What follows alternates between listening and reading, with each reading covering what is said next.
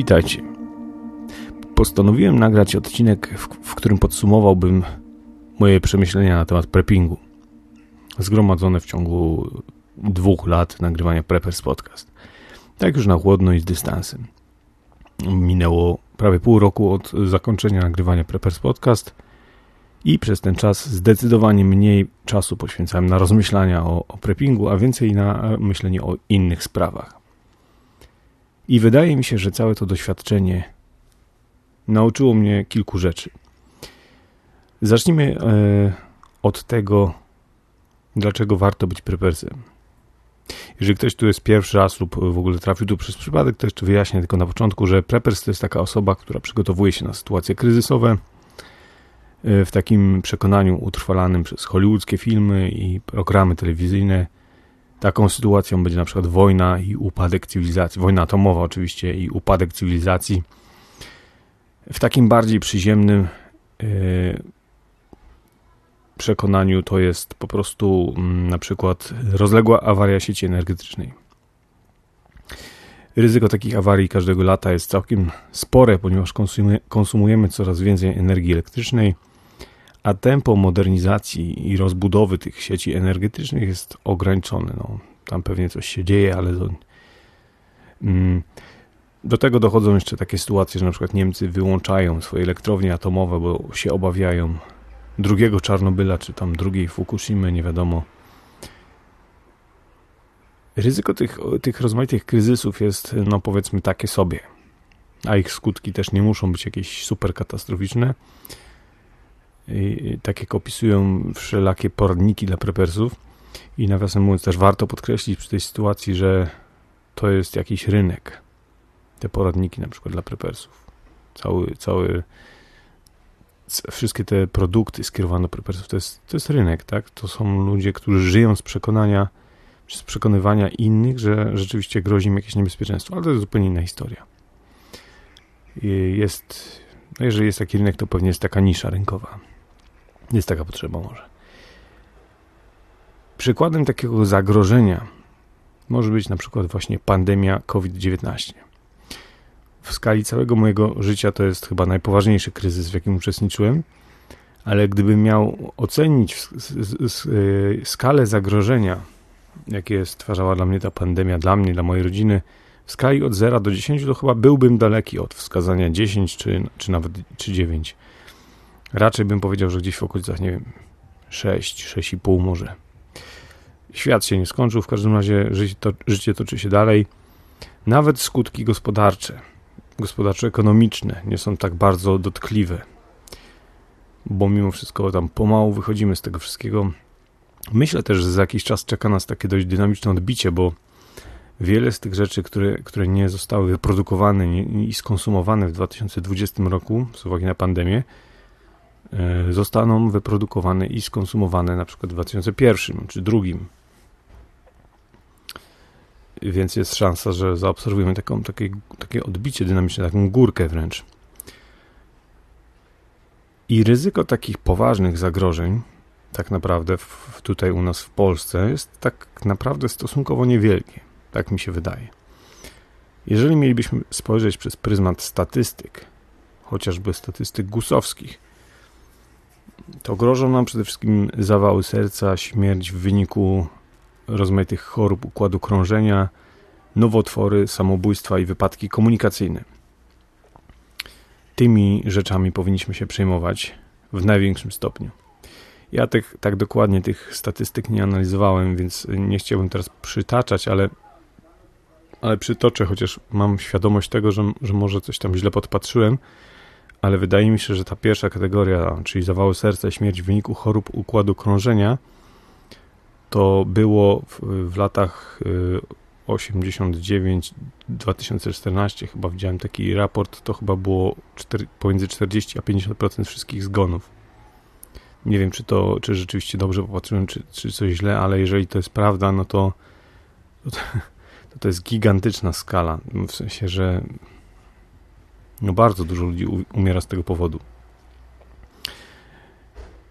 E, no i jeżeli chodzi o prepersów, no to raczej nie spotkałem się z tym, żeby w jakimś, jakimśkolwiek poradniku dla prepersów było napisane na przykład dbaj o swoje serce. Czujesz się trochę na uboczu, na uboczu, ale masz ochotę na rozmowę, na rozmowę, na znalezienie albo zgubienie jakiegoś wątku? No to radiodialog, po prostu jest dla Ciebie. Radio spotkań, radio rozmowy, radio podcastów pełne. No dobra, ale przejdźmy do konkretów. Dlaczego warto być prepersem? Warto być prepersem dlatego, że tą materią, w której zaczynam rzeźbić jako prepersi jest nasza, nasza i naszych bliskich samodzielność, samowystarczalność, odpowiedzialność. To są bardzo ważne rzeczy. Te katastrofy zdarzają się w sumie rzadko, niezmiernie rzadko. Aczkolwiek można mieć pecha, można mieć pecha nawet wielokrotnie. Słyszałem o facecie, który był w, w World Trade Center w czasie zamachu, a później także na, na maratonie bostońskim i nie jestem teraz pewien, ale nie, mo nie mogłem znaleźć tej informacji, ale wydaje mi się, że ten człowiek zginął w tym Bostonie. Że ja o nim słyszałem w takim kontekście, że przeżył World Trade Center i zginął w Bostonie. Ale głowy sobie nie dam uciąć teraz. Także można mieć całe życie szczęście, ale można mieć raz pecha i znaleźć się w nieodpowiednim miejscu, w nieodpowiednim czasie i wówczas ta samowystarczalność, ta samodzielność, odpowiedzialność a także wiedza, na przykład z zakresu udzielania pierwszej pomocy, mogą okazać się czynnikami, które będą determinować szanse na przeżycie nasze lub kogoś innego. Poza tym wszystkim, bycie prepersem można i należy traktować jako taką dobrą zabawę, czego przykładem mogą być wypady do lasu na, na bushcraft, strzelanie z łuku, czy jakieś tam inne tego typu zajęcia. To może być bardzo fajne hobby, które łączy przyjemne z pożytecznym a także pozwala czas, spędzić czas na powietrzu, na przykład e, też z dziećmi, które możemy przy okazji nauczyć czegoś pożytecznego. E, teraz może przejdźmy do mankamentów. Tutaj niestety wypisałem tego troszeczkę więcej. Możliwe, że po stronie plusów mogłoby coś jeszcze być, ale jakoś tak się złożyło, że tych moich przemyśleniach dostrzegam więcej takich znaków zapytania. Y, no to w każdym razie ta sytuacja nie jest taka zero-jedynkowa. Każdy powinien sobie to przemyśleć w oparciu o swoją indywidualną życiową sytuację.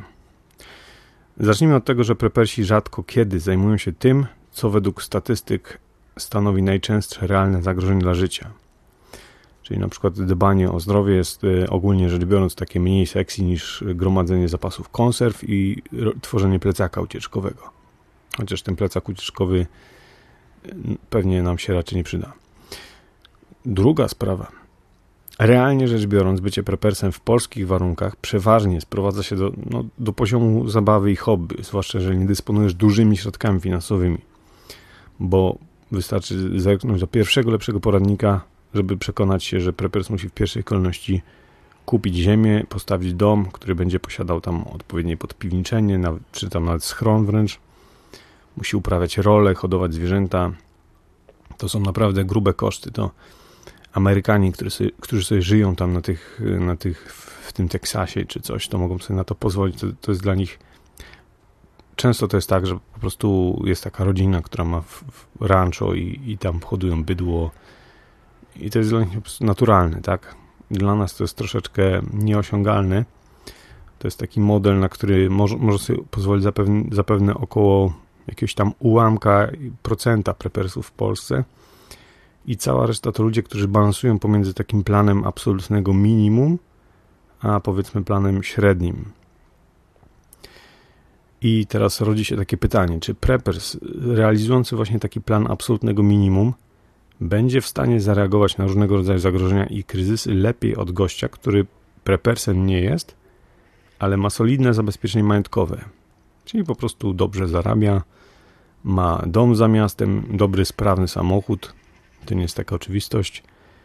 W każdej chwili może zabrać rodzinę do innego miasta, wziąć pokój w hotelu na parę dni, przeczekać, czy nawet kupić bilety lotnicze i, i wylecieć za granicę. To jest trudne pytanie i z pewnością nie da się na nie w łatwy sposób odpowiedzieć, bo wszystko zależy też od sytuacji. Ale wiecie, chodzi mi o to, że w naszych realiach takie dobre ułożenie kwestii majątkowo-zawodowych wydaje się być rzeczą bardziej praktyczną i bardziej ratującą tyłek niż wiedza na, te, na temat tego, jak na przykład rozpalić ognisko na 10 sposobów albo jak przyrządzić pokrzywy, żeby je zjeść. Ktoś powie, że się z tym nie zgodzi, że może zdarzyć się taka sytuacja, że nie wiem, zapis mojego cyfrowego konta zniknie, zostanę bez niczego, ale to jest już taka naprawdę bardzo abstrakcyjna sytuacja. Bardzo skrajny scenariusz. Nawet w Wenezueli, gdzie jest bardzo w tej chwili źle, ci ludzie najzamożniejsi należą do tych, którzy jakoś tam sobie jeszcze radzą. Oczywiście ci biedni też sobie jakoś radzą, ale no ich komfort życia jest nieporównywalnie gorszy. Pewnie optymalnie byłoby mieć obie te rzeczy, czyli i sytuację majątkową, i przygotowanie i wiedzę z zakresu picia wody z kałuży, ale zakładając, że musimy zdecydować się na jedną z tych dwóch rzeczy, ponieważ jakby no, liczba zasobów czasowo-finansowych i tak dalej jest ograniczona, to zakładając, że musimy się zdecydować na jedną z tych dwóch rzeczy, to chyba bym obstawiał jednak bezpieczeństwo majątkowe. Czyli w sumie coś, do czego z lepszym lub gorszym skutkiem dążą wszyscy ludzie. Praktycznie rzecz biorąc. Kolejna sprawa. Ja osobiście prepping zawsze postrzegałem przez pryzmat dwóch filarów. Jednym z nich właśnie było to, to bezpieczeństwo majątkowe, a drugim filarem jest kondycja i zdrowie.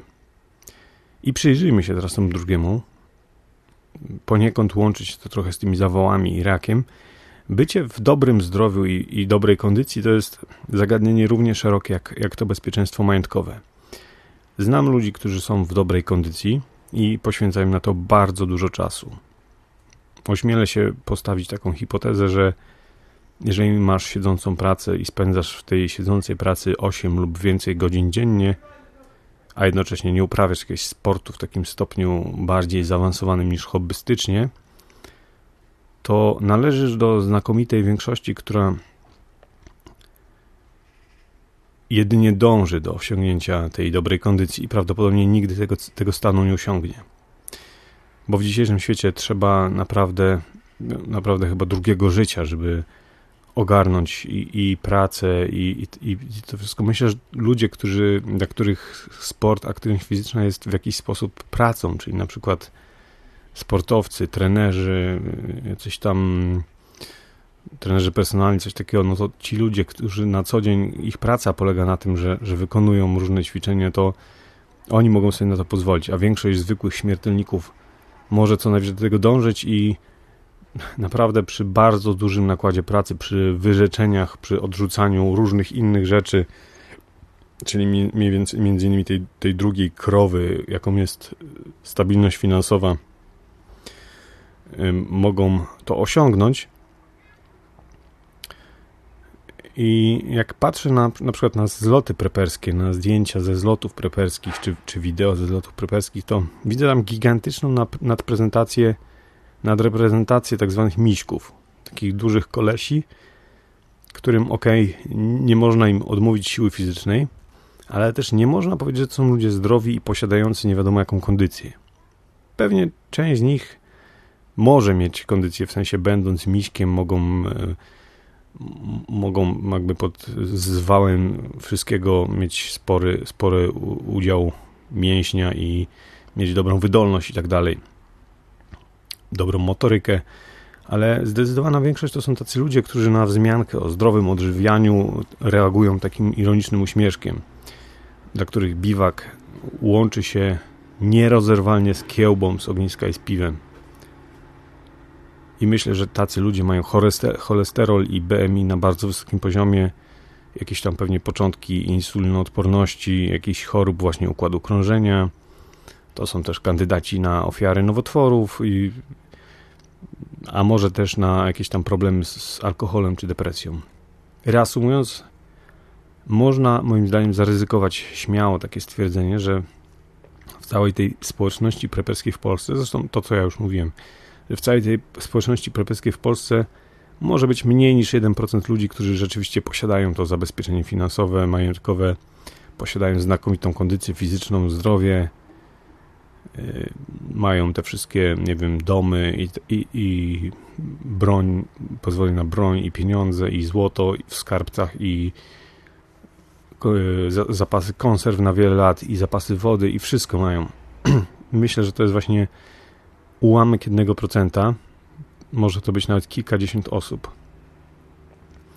Jakaś niewielka grupa, kilkanaście do kilkudziesięciu procent, to jest taka grupa mieszana, która jest, która ma albo albo właśnie e, kondycję fizyczną, albo pieniądze, jedną z tych rzeczy, ale nie dwie.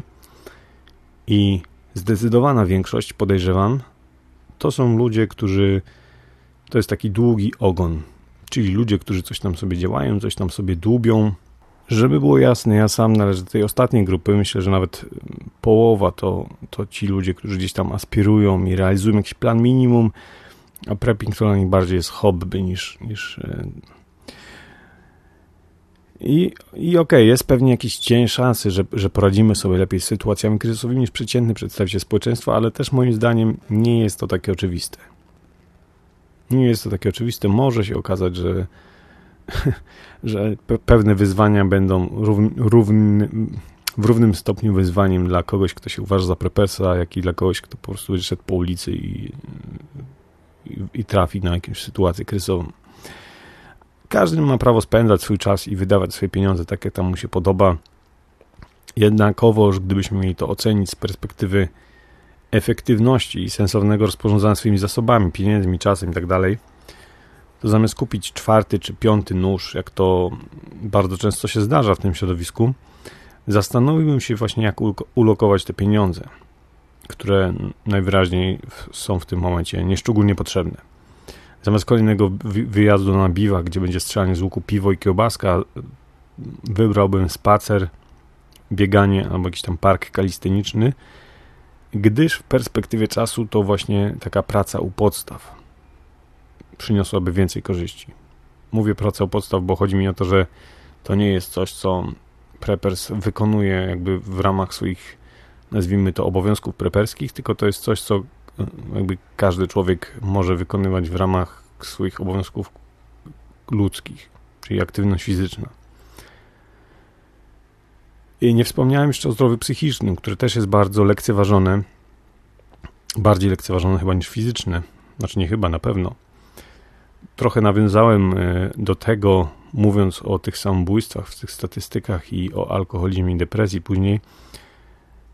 E, to są takie tego typu schorzenia, że nawet jak wiesz, że coś tam może być nie tak, to nie masz najmniejszego zamiaru w ogóle się diagnozować, dopiero leczyć, bo problemy natury psychicznej są, e, cieszą się taką powiedzmy umiarkowaną renomą. I tutaj płynnie przechodzimy do jeszcze jednego aspektu, którego ja dzisiaj nie omówię, tylko go sobie tak e, zaznaczę. Chodzi o foliarstwo. W roku 2020 Świat prepersów pękł na pół niczym dupa. Część wkładała mnóstwo wysiłków i pracy, żeby przekonać drugą część, że koronawirus nie jest fikcją, a ta druga część wkładała mnóstwo wysiłków w rozpowszechnianie teorii spiskowych. Mi osobiście ręce opadają. E, jasne, że tam momentami wszystko było rozdmuchane medialnie, że, że tam strach był paliwem do mediów, że popełniono masę błędów w komunikowaniu różnych rzeczy, ale tak zwany zdrowy sceptycyzm, który tak często, którym tak, tak często podpierają się foliarze, to nie jest wygłaszanie opinii wyczytanych w internecie. W moim mniemaniu zdrowy sceptycyzm to jest przyglądanie się, obserwowanie, analizowanie i tak naprawdę siedzenie cicho. Są, jeżeli mam jakiś konflikt i są dwie strony, to sceptyk nie jest tym, który zajmuje czyją, którąś stronę, tylko sceptyk to jest gość, który siedzi po środku z założonymi rękami i się przygląda obu stronom z, z, ze sceptycyzmem, tak? Więc niestety to środowisko prepersów odchorowało szuryzm bardzo mocno i to jest argument, który przemawia nie tyle przeciwko prepersom, co przeciwko temu, żeby starać się na siłę integrować, szukać kontaktów i tak dalej, przeciwko definiowaniu się jako preppers. Niektórzy uważają, że należy tak robić, ale mi ten rok 2020 dobitnie pokazał, że absolutnie nie należy. Kategorycznie należy trzymać się poza środowiskiem, działać w ukryciu, nie obnosić się ze swoim preperstwem. To środowisko preperskie jest bardzo niejednorodne, bardzo nasycone rozmaitymi, czasem bardzo dziwacznymi, czasem radykalnymi czy ekstremalnymi wręcz poglądami. I należy to mieć, mieć na uwadze, nie, nie ściągać na siebie przesadnego zainteresowania tego środowiska. Reasumując jeszcze raz, bo chyba już mówiłem reasumując, yy, znaczy, jakbym miał, to podsumować w takich dwóch słowach, no to bym podsumował, że z grubsza tak, warto pewnie coś w tym kierunku robić, ale z drugiej strony też myślę, że nie warto po pierwsze wchodzić w tą, w tą szufladkę prepersa, nie warto, nie wiem, y, sugerować się tutaj środowiskiem, y, niekoniecznie może poradnikami, no warto podejść do tego zdroworozsądkowo i jakby analizować przede wszystkim swoją indywidualną sytuację. Bo nawet jak, weźmiemy prze, prze pierwszy lepszy poradnik, gdzie jest napisane checklista, co masz zrobić, no to ta checklista jest y, jakaś tam bardzo uniwersalna, ona nie jest dobra w każdej sytuacji. Nie jest do, może nie być dobra w twojej sytuacji, może w ogóle nie być nierealna, może nie przystawać do zagrożeń, które ci zagrażają. co prowadzi do takiej konkluzji, że to całe zjawisko preppingu jest troszeczkę przereklamowane w takim sensie, że yy, mam wrażenie, że to w niektórych moich wywiadach w Preppers Podcast wybrzmiewało, że, że ktoś by, bywali goście, którzy mówili, że ja to nie jestem takim typowym prepersem, który gdzieś tam kupuje noże czy coś tam, tylko ja do tego podchodzę inaczej i tłumaczyli, jak oni do tego podchodzą. I ja myślę, że to takie podchodzenie inaczej, po swojemu, jest tutaj kluczem. I to by było na tyle dzisiaj. Do usłyszenia w następnym. Postarałem się dzisiaj nie bekać, bo ktoś ostatnio tam mi zwrócił na YouTubie w komentarzach uwagę, że, że bekam i bełkoczę. Ale ten podcast nazywa się Ponure Żarty. Czasami masz ochotę na gwar i na towarzystwo, a czasami wręcz odwrotnie. W tym wręcz odwrotnie jakoś łatwiej się zorganizować. Z towarzystwem różnie bywa. Masz ochotę na pogawędkę, czy na posłuchanie rozmowy, na spotkanie przez duże S albo przez małe S, ale trzeba wyjść, trzeba się umówić, trzeba się zsynchronizować, ustalić czas i miejsce, dojechać, dojść i tak dalej. Czasami chce się poznać nowych ludzi albo odejść od stolika tak bez słowa, w pół zdania, po prostu, bez konsekwencji. I dlatego w takich chwilach, kiedy dobra rozmowa, fajna rozkmina są Ci potrzebne, wbijaj do towarzystwa z Radia Dialog. Radio Dialog? Same dobre podcasty. Non-stop.